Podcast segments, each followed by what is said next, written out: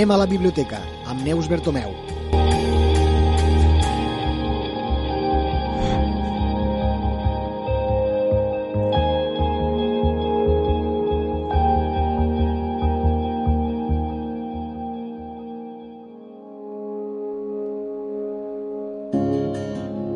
És dimecres i cada dimecres, com hem dit, anem a la biblioteca a parlar amb la seva directora la Biblioteca de Deltebre, la Biblioteca Delta de l'Ebre, i parlem amb Neus Bertomeu. Neus, bon dia i benvinguda.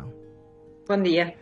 Uh, avui tenim un, és un dimecres més, estem a les portes del curs escolar, encara la biblioteca ja, ja ha començat a fer uh, l'horari d'hivern?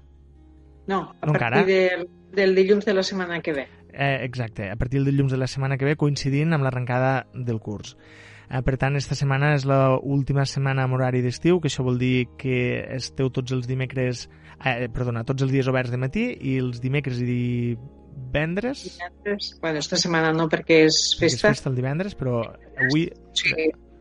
El que queda de setmana és avui està a la una i mitja, esta tarda de 4 a 8 uh -huh. i demà de 9 i mitja a una i mitja, demà al matí. I a partir de dilluns hi ha horari d'hivern.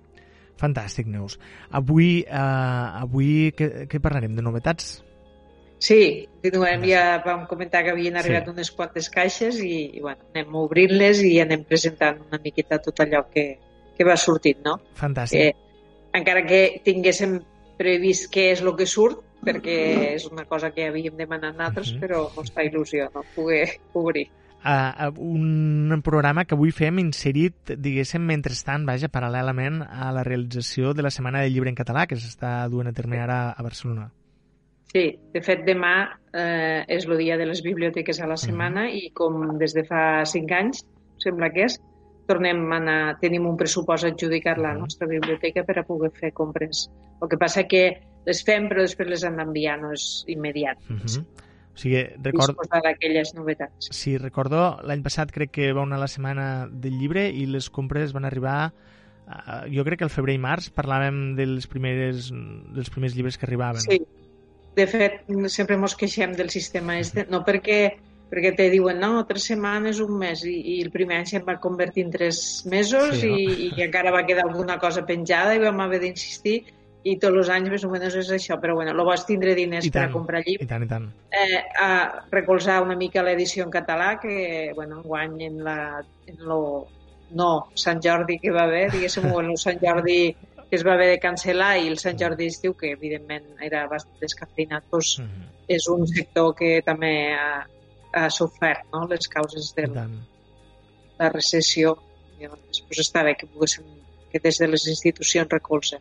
I tant, i tant. A veure si algun dia, de, per part de les institucions, se recolza tant la publicació en català que pots trobar el mateix llibre en català i en castellà, però millor de preu en català que en castellà, que ara no passa. Sí, sí. Normalment és... O el, a vegades és una mica més car el català sí, i a vegades sí. publiquen l'edició en castellà, per exemple, autors que es tradueixen molt, uh -huh. publiquen l'edició en castellà i fins al cap de tres mesos no et publiquen la de català. Exacte. I, i l'usuari ens està demanant aquella novetat i a lo millor tu tens la sèrie aquella en, en català i evidentment no vols comprar un volum en castellà, Clar. no? que una mica trenca la, la sèrie perquè no és el mateix una traducció en català que en castellà i si has començat a llegir-ho i, bueno, i perquè hi ha moltes coses que es poden llegir en català, no? Vull dir, sí que hi ha mhm. persona que ha, ha après a llegir en castellà i li costa molt el salt, però avui en dia, qui més qui menys el català lo, som capaços de llegir-lo perfectament. I tant, i sobretot una vegada comences això que dius tu, no? Per exemple, una saga, tu comences a llegir els llibres, eh, per exemple, de Harry Potter, i si els comences a llegir en català, eh, igual que si els comences a llegir en castellà, jo crec que el més interessant és llegir-los tots en aquest idioma, sí, perquè sí, però... canvien noms, sí, canvien els referents. canvien sí, sí, sí, de traducció. Per exemple, a l'edició en castellà no traduïen els noms propis, uh mhm. -huh. que els noms que havia triat la J.K. Rowling sí. tenien un sentit, o sigui, els cognoms que sí, dia sí, pues, sí, sí. no eren arreu, sinó que estaven triats i, i, el, i la traducció català i castellà en aquest cas diferia i te despistava mm. una mica. De fet, a les pel·lícules eh, era la versió castellana, diguéssim, sí. que se, els noms, diguéssim, en castellà, encara que es traduïguessin en català, era una mica, sí, complicat. O, per exemple, ja sabem que cada llengua, quan estem parlant de traduccions ben fetes, intenta adaptar la traducció a allò que que implica la llengua. Normalment les llengües estan vinculades a, a estats, no és el cas de Catalunya, però en el cas de Harry Potter, per exemple, es parla en castellà del Ministeri de la Màgia i en català de la Conselleria claro. d'Afers Màgics, no? I, sí, clar, sí. això implica també una visió del món, necessàriament, a través Diferent, de la llengua. sí. De fet, sí. I ara, per exemple, estava pensant això que comentava d'estos casos que tradueixen primer la... O sigui, publiquen primer l'edició en castellà, uh -huh. eh, l'últim de Ken Follett, que és com una preqüela de los, Els Pilars de la Terra. Nosaltres, en principi, esta sèrie, com que és, és un bestseller i està molt demanat, ho tenim en català i castellà, Clar. però ara s'ha publicat aquesta preqüela en castellà i en català encara no surt ni en previsió d'edició a l'editorial corresponent. Això. Clar, bueno, a mi me molesta molt. Sí, a més perquè penses que hi haurà gent que si existís la versió en català la compraria, però ja haurà fet la despesa comprant-se-la en castellà perquè tindrà la sí. necessitat no, de, de, de saber exactament si, si és aficionat a la saga, eh? vull dir, eh, claro. prefereix comprar el primer que surt que no pas esperar-se que surti... A veure, claro, quan tu estàs fent... Això passa molt en les sèries i, i trilogies mm. i així, no?, que que tothom espera el següent volum, no? I, mm. i és això. Si tant és llegir en català que en castellà, doncs comprar mm. el primer que surti, que és la versió que no necessita, o sigui, ja se'n vendran molts més milers d'exemplars de l'edició en castellà. I tant. I que en tot cas haurien de fer al revés, no? de dir, publico primer la català, que és la que, és la que costa més, bueno, costa més, no es poden vendre mai tants exemplars com en l'edició en castellà. I tant. Però, bueno és una polèmica que no sé si l'acabarem no. mai. Bé, és igual, volia, volia fer-ne esment perquè jo m'hi trobo que vaig a comprar llibres i les traduccions, cert, hi ha traductors que m'agraden més en castellà, però n'hi ha que m'agraden més en català, i a vegades se'n va de 2 i 3 euros el preu del llibre, del mateix llibre en una llengua i en l'altra, i dius, bueno, que és més car traduir en català, dius, home... No. Això vull dir, el traductor en català segur que no cobra més que el eh, exacte, castellà. Exacte, exacte. Més aviat menys, potser. Exacte, segur. Sí que... En fi, sí, sí. Polèmiques a banda, avui hem de parlar de més novetats, novetats adquirides per la Biblioteca Delta de l'Ebre. Què tenim avui, Neus? Veig aquí un sortit de llibres que no sabria dir-te exactament de quina temàtica i de quin gènere són. Així bueno, una mica variat. Com que la setmana passada vam parlar del lot aquell de Montjove, 2020, sí. no? Sí, sí. Eh, bueno, pues, tancant, diguéssim, o, o continuant en la línia de, del dimecres passat, primer parlarem de novel·la juvenil, uh -huh que, que ha arribat també.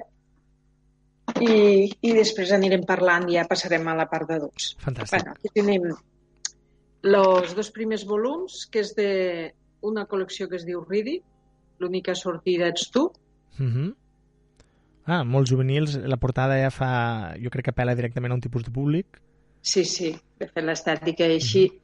Bueno, és de Barcanova Editorial, uh -huh. el que passa que són traduccions. I el, bueno, a mi me recorden molt aquells de Tria la teua aventura, però en ah. versió, ah. no? en versió, com se diu això? Actualitzada. Eh, evolucionada, ah. no? I, I de cara a, a captar... Jo no sé, perquè realment els que llegíeu, jo no els vaig arribar, a, ja era molt gran, no? Lo de Tria la teua aventura ja també s'ha passat l'edat de llegir novel·la, esta novel·la juvenil, no? Vull dir, però molt en aquesta línia, de dir, depèn de les decisions que tu prengues, sí, l'itinerari, sí, sí. la història, diguéssim, pren una, una línia o una altra depèn de, de si saltes a una pàgina o a una altra. Això és, és, un, és una opció molt interessant, eh? perquè a vegades el lector, sobretot el lector juvenil, eh, quan no està d'acord en cap on va el llibre, li agradaria tindre aquesta opció, eh? de dir, no, no, no, això no, anem cap a l'altra banda. Sí, jo penso que també també fomenta la lectura, no? I sí. potser l'esperit crític també està bé, això, no? Donar una miqueta més de llibertat al lector. I fa 4 o 5 anys, no recordo exactament, eh, l'autor, el flixenc Valero Sant Martí, va publicar un llibre que es deia Los del sud us matarem a tots, que també estava construït en este format de triar la teva pròpia aventura. Molt bé, ah, molt bé. Sí, Mira, a... no, no l'he llegit mai, o sigui, lo tenim i així, però no, no ho sabia que era en aquesta línia. Mm. Bueno, això són dues històries, una de protagonitzada per una noia que es diu Cassandra uh mhm. -huh. i una altra protagonitzada per un noi que es diu Elijah, que per exemple Elijah, Elijah mm, va a veure una pel·lícula de zombis al, al cine i quan surt pues, se troba que la gent lo mira raro, que estan descolorits, que tenen el cabell blanc i els ulls grocs, no? i que van cap a ell, no? Llavors, depenent de si decidís que torna cap al cine uh -huh. o se'n va corrents a casa, doncs li passarà una cosa o una altra. I, i la història de Cassandra també en aquesta línia, que, bueno, que, que tenia visions no? I, i somnis així com a premonitoris, però no ho explicava perquè no es pensés en que estava boja i arriba un moment que alguna d'aquestes coses pues, li, se converteixen en, en realitat. Uh -huh. Pues és això. El que tenen de vostres llibres també és que et permeten múltiples lectures, vull dir, tens, pots tindre més d'un llibre, diguéssim, en un, eh? És un, sí, sí, tres, quatre les històries aventures diferents. diferents. Clar. Sí, jo penso que si agrada, per exemple, la primera lectura que fas, deus voler provar, no? De, sí. Ai, si no hagués anat cap aquí, què hagués passat, no? Uh -huh. I ja està bé, també. Sí, sí, és sí, una sí. manera d'aprofundir en una mateixa història. Després aquí tenim la una nova traducció dels cims borrascosos de oh. la Emily Bronte, uh -huh. que bueno, de fet és un clàssic, però en este cas és una edició no és que estigui adaptada ni res a jovens, però bueno, com que els protagonistes comencen la història, que són bastant uh -huh. jovens, doncs la tindrem a novel·la juvenil. Ja tenim altres edicions d'adults aquesta família, les germanes Bronte, a la tria vaig llegir que, ara no recordo quina era d'elles, que se suposa que les van envenenar a totes les altres. O sigui, imagina't. Una d'elles... Sí. sí, sí, es veu que els últims estudis apunten a que, le, a que van anar morint, però d'envenenament per, per una ah, de les germanes. Bueno. És curiós, no? Sí, sí. Eh, devia tindre algun problema mental, suposo, o Sembla, molta, sí. ràbia, o molta ràbia dins. Igual era la que havia publicat menys i... i... Podria ser, podria ser. Perquè a vegades això, aquestes rivalitats, no, porten conseqüències.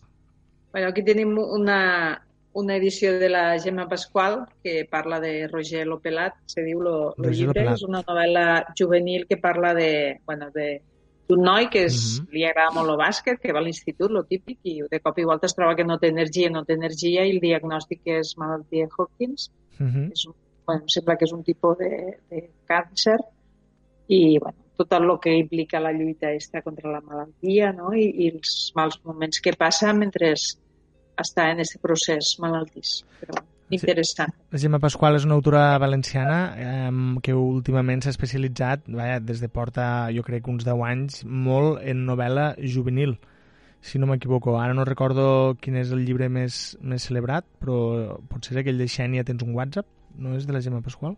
Sí, sí. sí eh? és una, de fet, són una tres saga. llibres, una saga de tres, uh -huh. de tres llibres, pues sí, Roger Lopelat, en este cas i este de traducció de la Lisa Thompson, que és El pot de llum. Uh -huh. És un llibre publicat per, la, per Fanbooks, bueno, uh -huh. d'estos que publiquen molt el que és moda, o sigui, els autors de moda, més Sí, sí, mediàtics sí. i així. Però bueno, quan són traduccions també implica que, que és un llibre que ja ha tingut bona acceptació al seu país d'origen Uh -huh. i en este cas és, és, és, explica la història de Nate. Nate i sa mare se'n van a viure a una cabana aïllada, sa mare diu tot anirà bé, però un dia que va a buscar provisions no torna, i llavors totes Ostres. les pors aquelles que té ell, no? els dubtes de si, si vindrà algú i l'atacarà, si... Uh -huh. El pot de llum una mica mostra el que és la, lo far, no? aquell far que, que et dona aquell puntet d'esperança i, i, i que t'ajuda a superar aquells mals moments. Jo penso que és una història que estiga molt bé.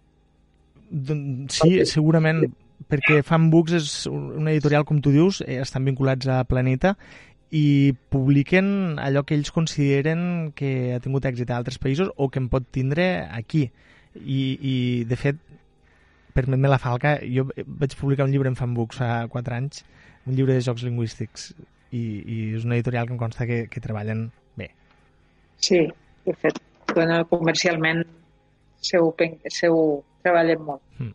Un altre també de Fanbooks, eh, que és una traducció també de la Nina Kenwood, ni en el millor dels meus somnis, pues, la típica adolescent que està Mm. amargada en el seu acné i que, Mm i que bueno, té unes inseguretats perquè és adolescent i perquè té acné, a més, Mhm. i al finalment la conviden a una festa i va perquè pensa que ha d'anar, però que ja sap que serà un desastre d'entrada, però després pues, sembla que la cosa va millor del que previst.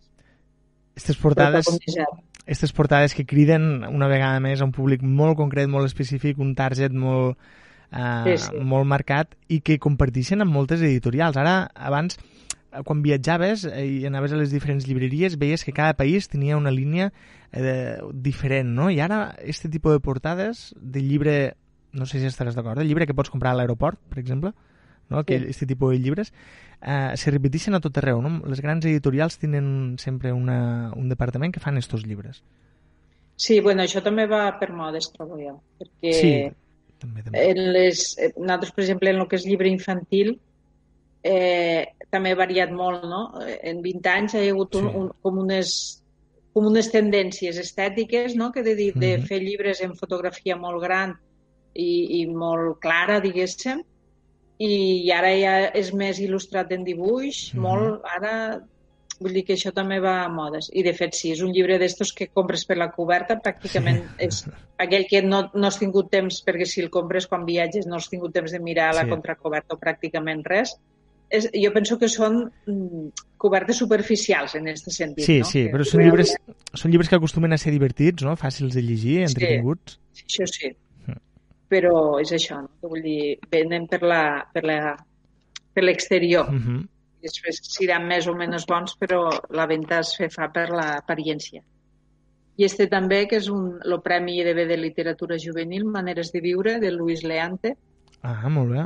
És, bueno, la, de Periscopi, bueno, Periscopi és la, la col·lecció, en este cas. Uh -huh d'EDB, però bueno, és una col·lecció que té un gran recorregut i que sempre ha publicat llibres molt interessants, bons, diguéssim, bons autors, bon, mm -hmm. de bons, bons títols i este, bueno, publiquen els premis estos EDB de literatura juvenil, Maneres de viure. Maneres de viure em recorda un títol d'una cançó, Maneres de vivir, una cançó que cantava sí. Rosendo, si no m'equivoco, Rosendo sí. Mercado, i que pot ser un llibre... Fet... Digues, digues. Veus? No, és que de fet està vinculat en lo, la música, a part, bueno, ah. la coberta ja veus que la il·lustració sí, sí. fa referència, però sí. Una guitarra, un teclat, un altaveu... Sí, de fet és una persona que, que un, sembla que és periodista que arriba un moment que coneix el, el que havia sigut el seu ídol musical mm -hmm. i llavors li fa una entrevista i bueno, arrel d'això és la, la història. Dic que sí, probablement és a veure, lo, no, és que no ho fica. No ho fica? Diu, diu, no, diu, eh, com, es retroba amb el guitarrista i cantant d'un grup de rock que mirava de jove. Però vull dir, no, no parla d'un cantant en concret, mm -hmm. sinó que parla això, de, del, del vincle de la música en la seva joventut mm -hmm. i, i tot el que li va suposar. Maneres de viure. Maneres de viure. La música és un tema que sempre crida molt, eh? també en l'edat adolescent. Sí, sí.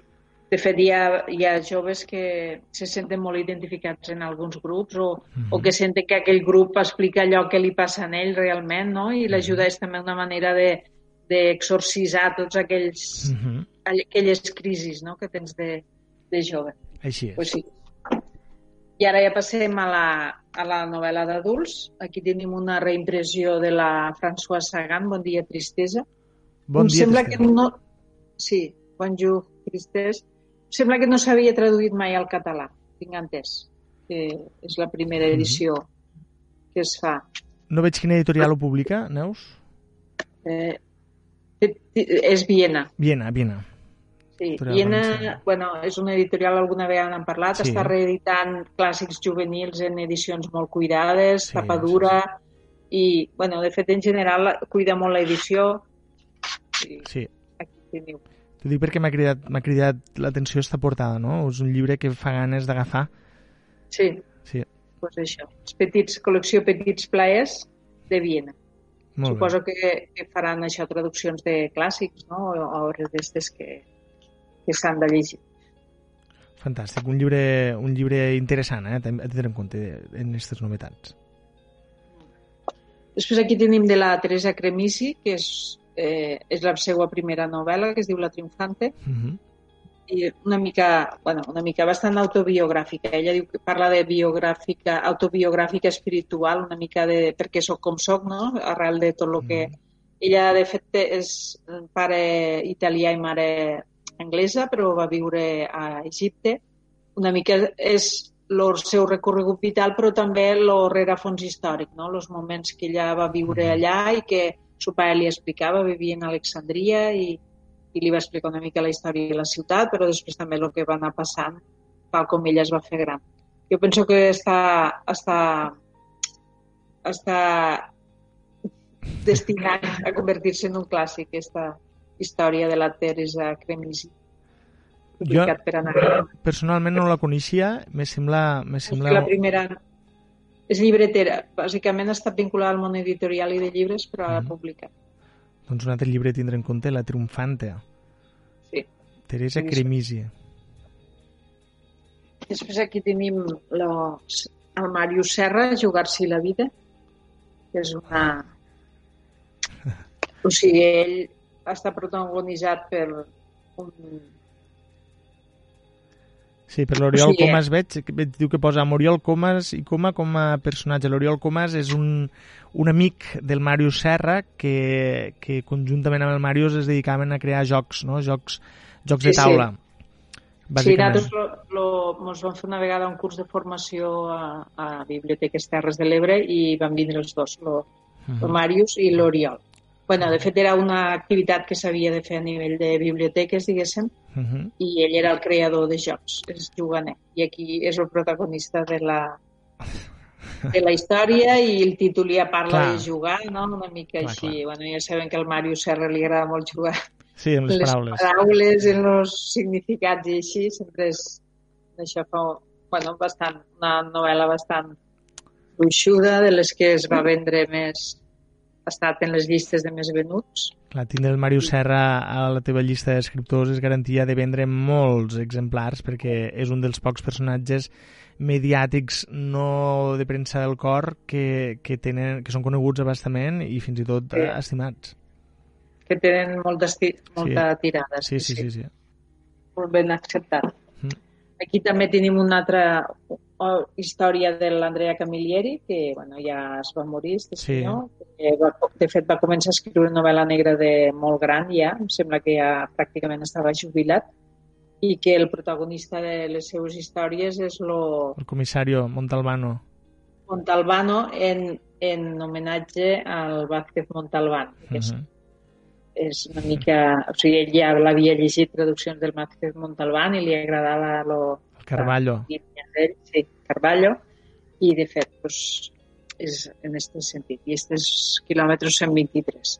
Diu que, bueno, comença una mica com una història d'amor, però després, evidentment, les novel·les de Camilleri són no tenen una part de costumbrista perquè retrata molt bé la societat no? i la manera de pensar sí. de, o de viure italiana. Molt sòrdid tot. Sí, i, però després pues, de fet, és novel·la negra que comença com història d'amor però és una història d'investigació i crim. Sí, té, té un punt, el Camilleri, en aquesta sordidesa que recorda algunes novel·les de Pedrolo, no? que sempre surt, eh, jo que sé, alguna dona rentant-se o alguna escena que d'algú que mira a través d'una cortina veu algo que no ha de veure, no? Aquestes escenes que, que la literatura dels anys 70 anava plena, no? També sí. penso en, en Mercè... Cinema també. Sí, Sí, sí.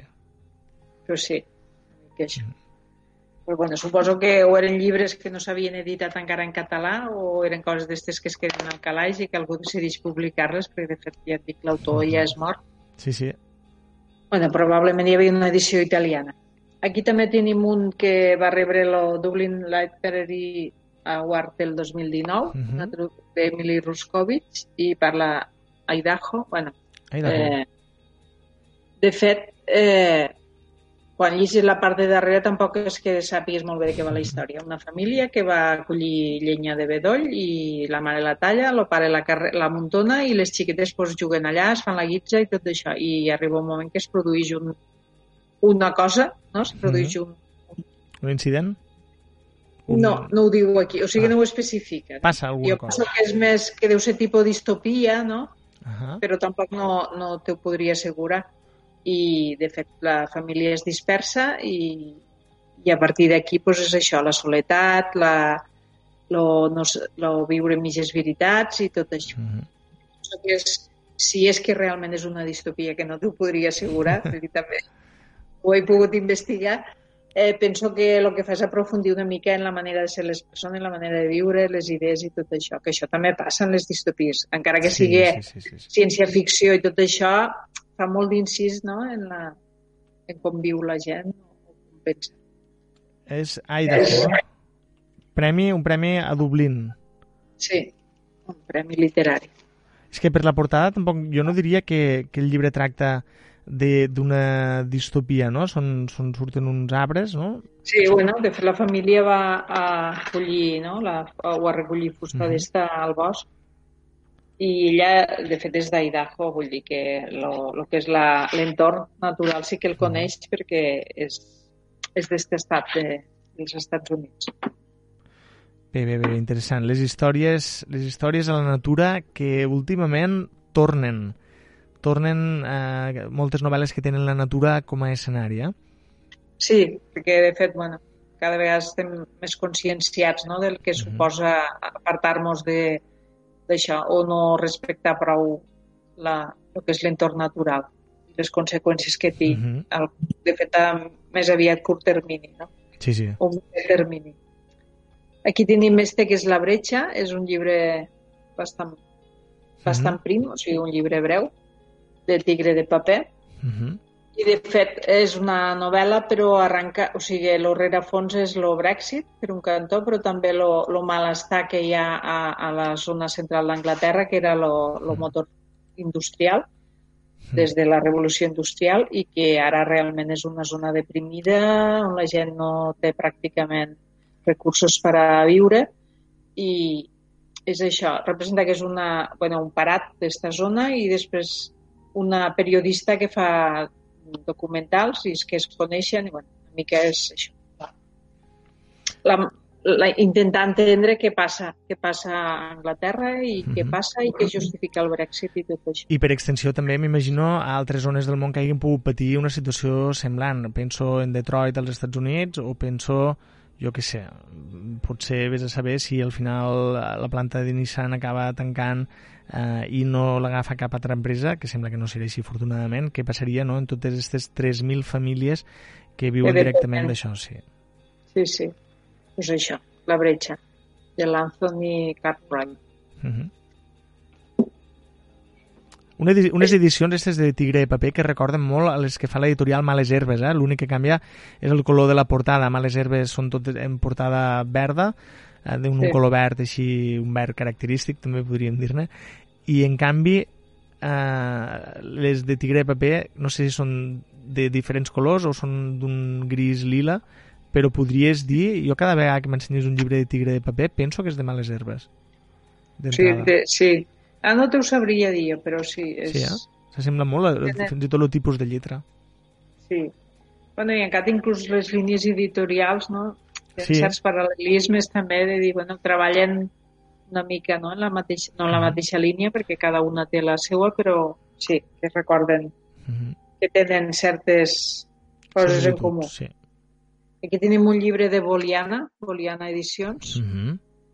És de La Perla Ardent, que és bueno, un Premi Ciutat de Terrassa. Suposo que la mateixa editorial té vincles... O sigui, hi ha editorials que publiquen sí. sempre els premis literaris de, de diferents comunada, per exemple, que publica segons quins, quins premis, o sí, Cosetània, ja. que publica la Ribera d'Ebre, per exemple. I sí, sí. és, és una il·lusió, o sigui, una edició del Premi Ciutat de Terrassa. Aquestes editorials que fan una faenada increïble per consolidar el territori i donar sortida a diferents autors. Som una terra d'escriptors i escriptores. No sé si... Suposo que afortunadament, tot i, sí. que, tot, i que hi ha, tot i que hi ha de tot. I aquestes editorials, la feina que han fet sobretot els últims 20 anys, ha sigut increïble, impressionant. Boliana és una editorial molt menuda uh -huh. i, de fet, eh, a la Setmana del Llibre precisament l'any passat que vam estar... bueno, anem per tots els restants, no? Però o sigui, els mateixos edicions, editors són els que estan allà al peu de parada. Sí, sí, sí. sí. No? Perquè, per exemple, hi ha editorials grans que allà el que tenen són gent que ha contractat temporalment o gent mm. que està a llibreries i els lloguen per a... Però allà no, allà està l'editor i l'editora i, els, i, i parles amb ells i t'expliquen... Sí, sí, el dia a dia. Sí, sí. Vull dir que me fa, fa gràcia, no? Per, en aquest sentit, perquè és molt proper, no? Quan vas allà, realment ells ho viuen i, mm. i estan allà al peu del canyó tots els dies. Això és la perla ardent de Jaume Ferrer Sancho, premi, primer premi Ciutat de Terrassa de contes. Sí, contes curts. I aquí tenim una traducció, Ignasi Karpovich, Sonka, uh -huh. que este, bueno, és, també trobo que pinta bé, no? Representa que és un, un jove dramaturg que es queda aïllat a un poble entre Bielorússia i Polònia i fa, la, la cull una senyora que només té una vaca. I la senyora, que és la Sonca, li ja comença a explicar la seva vida, totes les desgràcies que ha passat, i llavors ell veu que allò és material interessant per a fer eh, obres de, obra de teatre, diguéssim. Però, clar, ell, ell la manipula, aquesta realitat, no? La, la porta al terreny literari i fa. Llavors, una mica també és jo penso que és un llibre per a gent que li interessa el teatre, per a gent que escriu, mm -hmm. també, a part de que la història en si és interessant, però penso que pot anar més enllà, no? que explica una mica això, el que és el procés literari, que justifica que realment no descrigui la realitat exactament com és, sinó que tu te fas la teua història a partir d'uns fets i així, però també pinta bastant. Molt interessant. Té un tipus de llibre interessant, sense cap mena de dubte. Sí, sí. De Soica. Raig per cert. Raig Verd, editorial Raig Verd. També és una d'aquestes sí, sí. editorials menudes però amb molta força. Aquí també tenim este, que és Premi Llibreters de Guipúscoa, bueno, un llibre d'estos que guanya una mica per boca a boca dels lectors. És una traducció d'una edició, no sé si, realment no sé si escriuen en basc. Eh? No ho he mirat. Uh -huh. És eh, un llibre d'edicions de Periscopi, Periscopi Edicions? Sí, i és una, tra una traducció del basc, d'un recull de contes de l'Aider Rodríguez, que va mereixer, diguéssim, el Premi, Premi Llibretes de Guipúzcoa i Euskadi de Literatura 2018. O sigui que l'han posat a l'abast del públic català en la traducció en català que basc és difícil que... Sí, que arriba. Castellà sí, però basc eh, és complicat hi ha alguns autors bascos que, que realment excel·lixen eh, amb el tema de les narracions breus. Estic pensant en Bernardo Achaga, per exemple, i amb aquell altre noi que, jove, que potser ara ja no ho és tant, que no me'n recordo com es deia aquell llibre, uh, un llibre de relats també, ostres, molt bo, molt bo. Ai, no me'n recordo. Mira, estos lapsos me maten.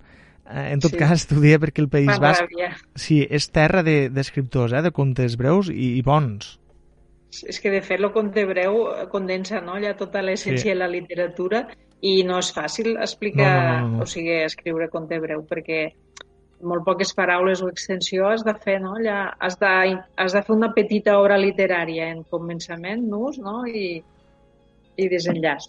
Sí, sí, és un plaer, és un plaer llegir els grans mestres eh, de, del conte, els mestres històrics de conte curt, perquè realment ostres, te'n dones compte de, de...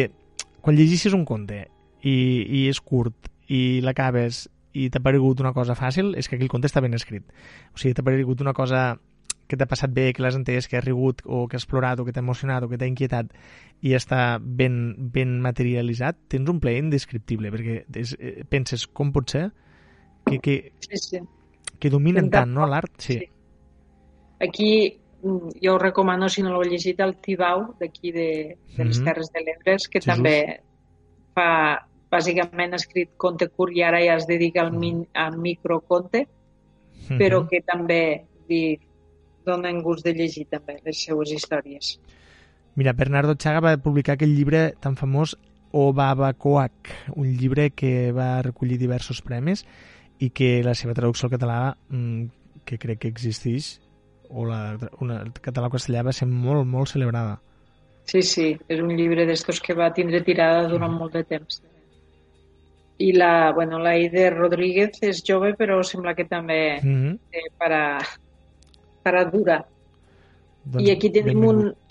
Ja hem acabat el que és la narrativa, hem acabat en lo de contes curts, i aquí tenim una edició de poemes escollits de la Margaret Atwood, Ah, gran escriptura, crec que Premi Nobel, no? Va, va guanyar el Nobel l'any passat o l'altre? O, o no? Estic jo... Sí, no ho sé. No sé, perquè a vegades m'he despistat. Sí, sí, sí. És ah, los lapsus sí. estos que dius tu, i a vegades no vull dir per no posar la pota, però realment no te, ara no t'ho sabria dir. Però bueno, és una...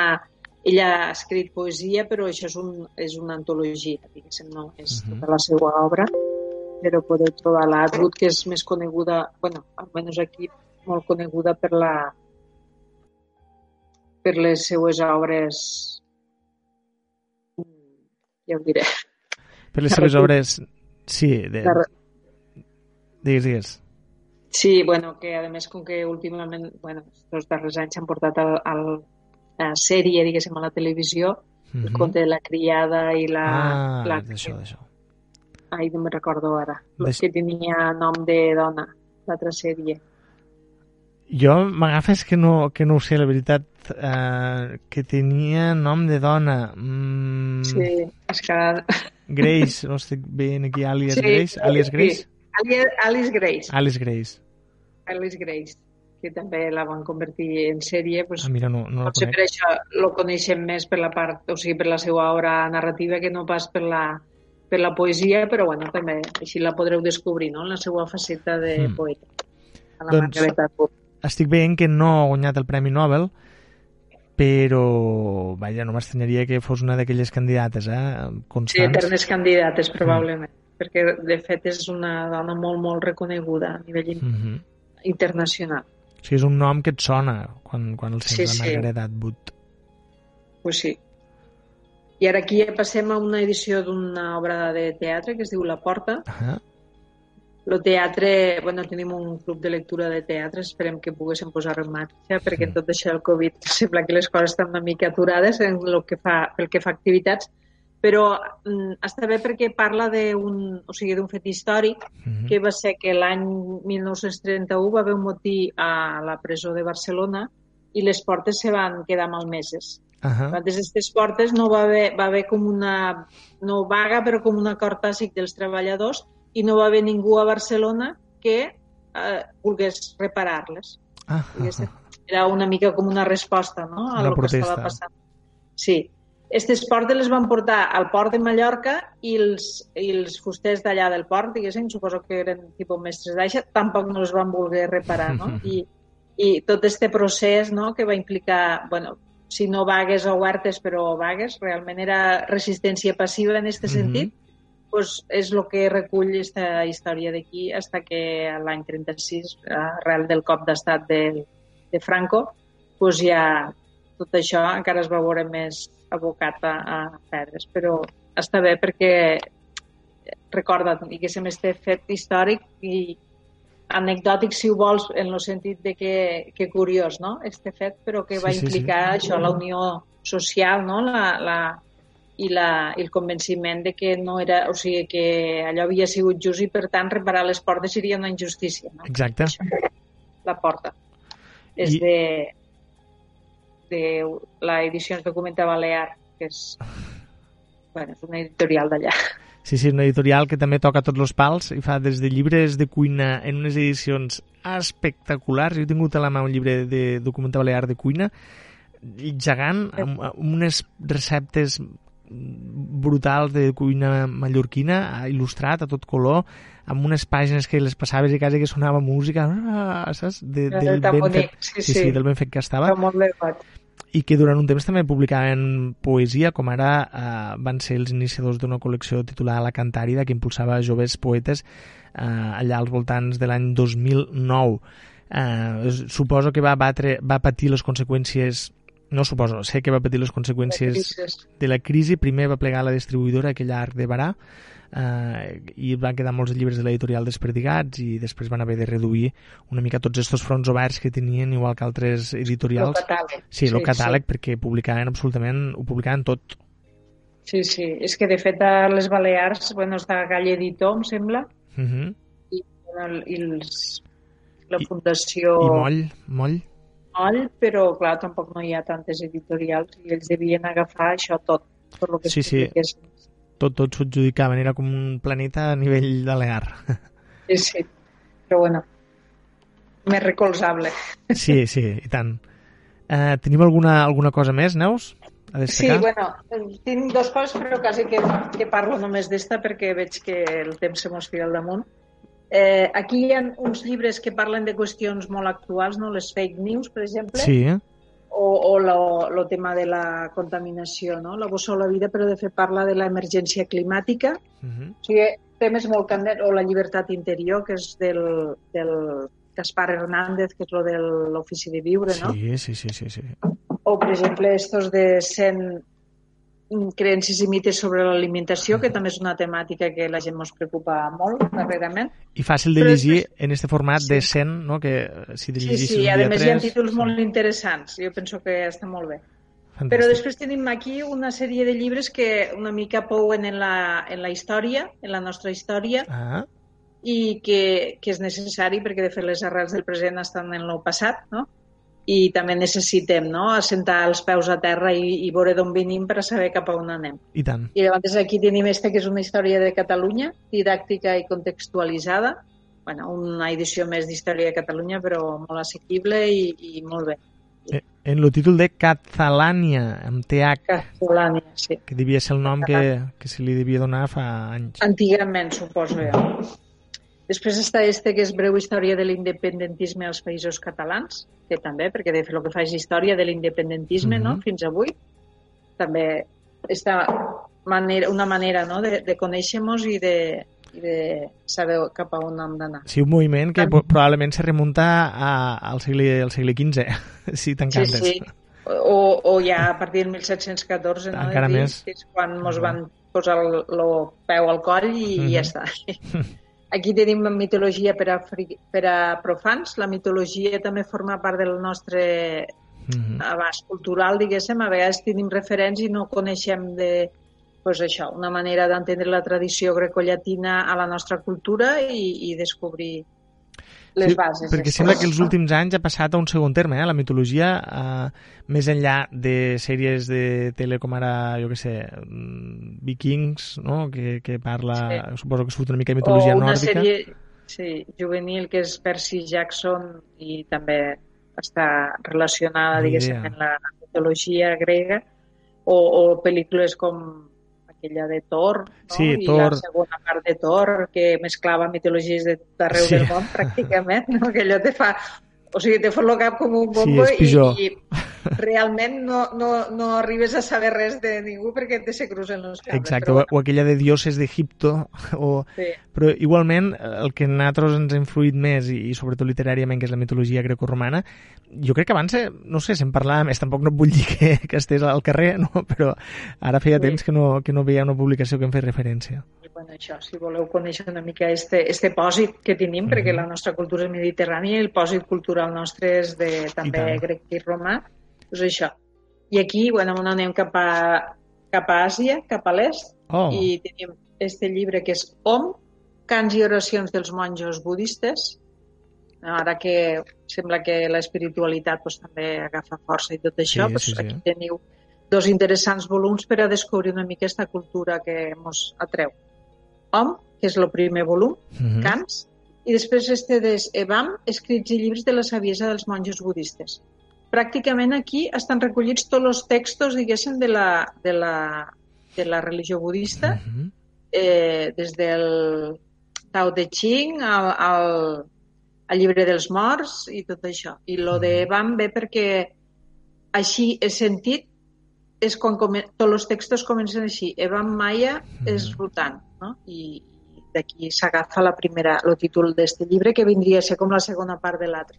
Mm -hmm. Este una mica és oracions i cants i, i estes són els textos en què es basa la seva religió. I també penso que, bueno, està bé conèixer, no? I tant. És molt de fet, interessant. Cone conèixer cultures diferents ens fa més aguards també mentalment. I això és molt necessari avui en dia, que sembla que, més que mai. que, el, que, el, bueno, que tot el que és diferent a vegades ens costa acceptar. Mm.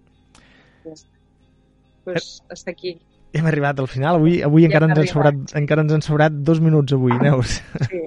Pues bueno, només recordar-vos això, que esta setmana acabem l'horari d'estiu, que a partir de dilluns ja fem horari d'hivern. En principi, el sistema de funcionament continua igual. Uh mhm. -huh. Ja veurem ara quan començarà el curs si ens hem de replantejar alguna cosa, perquè hi ha coses que no es podran fer a la biblioteca i, per tant, doncs, depenent de la demanda no, dels estudiants i tot això, doncs, també haurem de replantejar-nos el funcionament.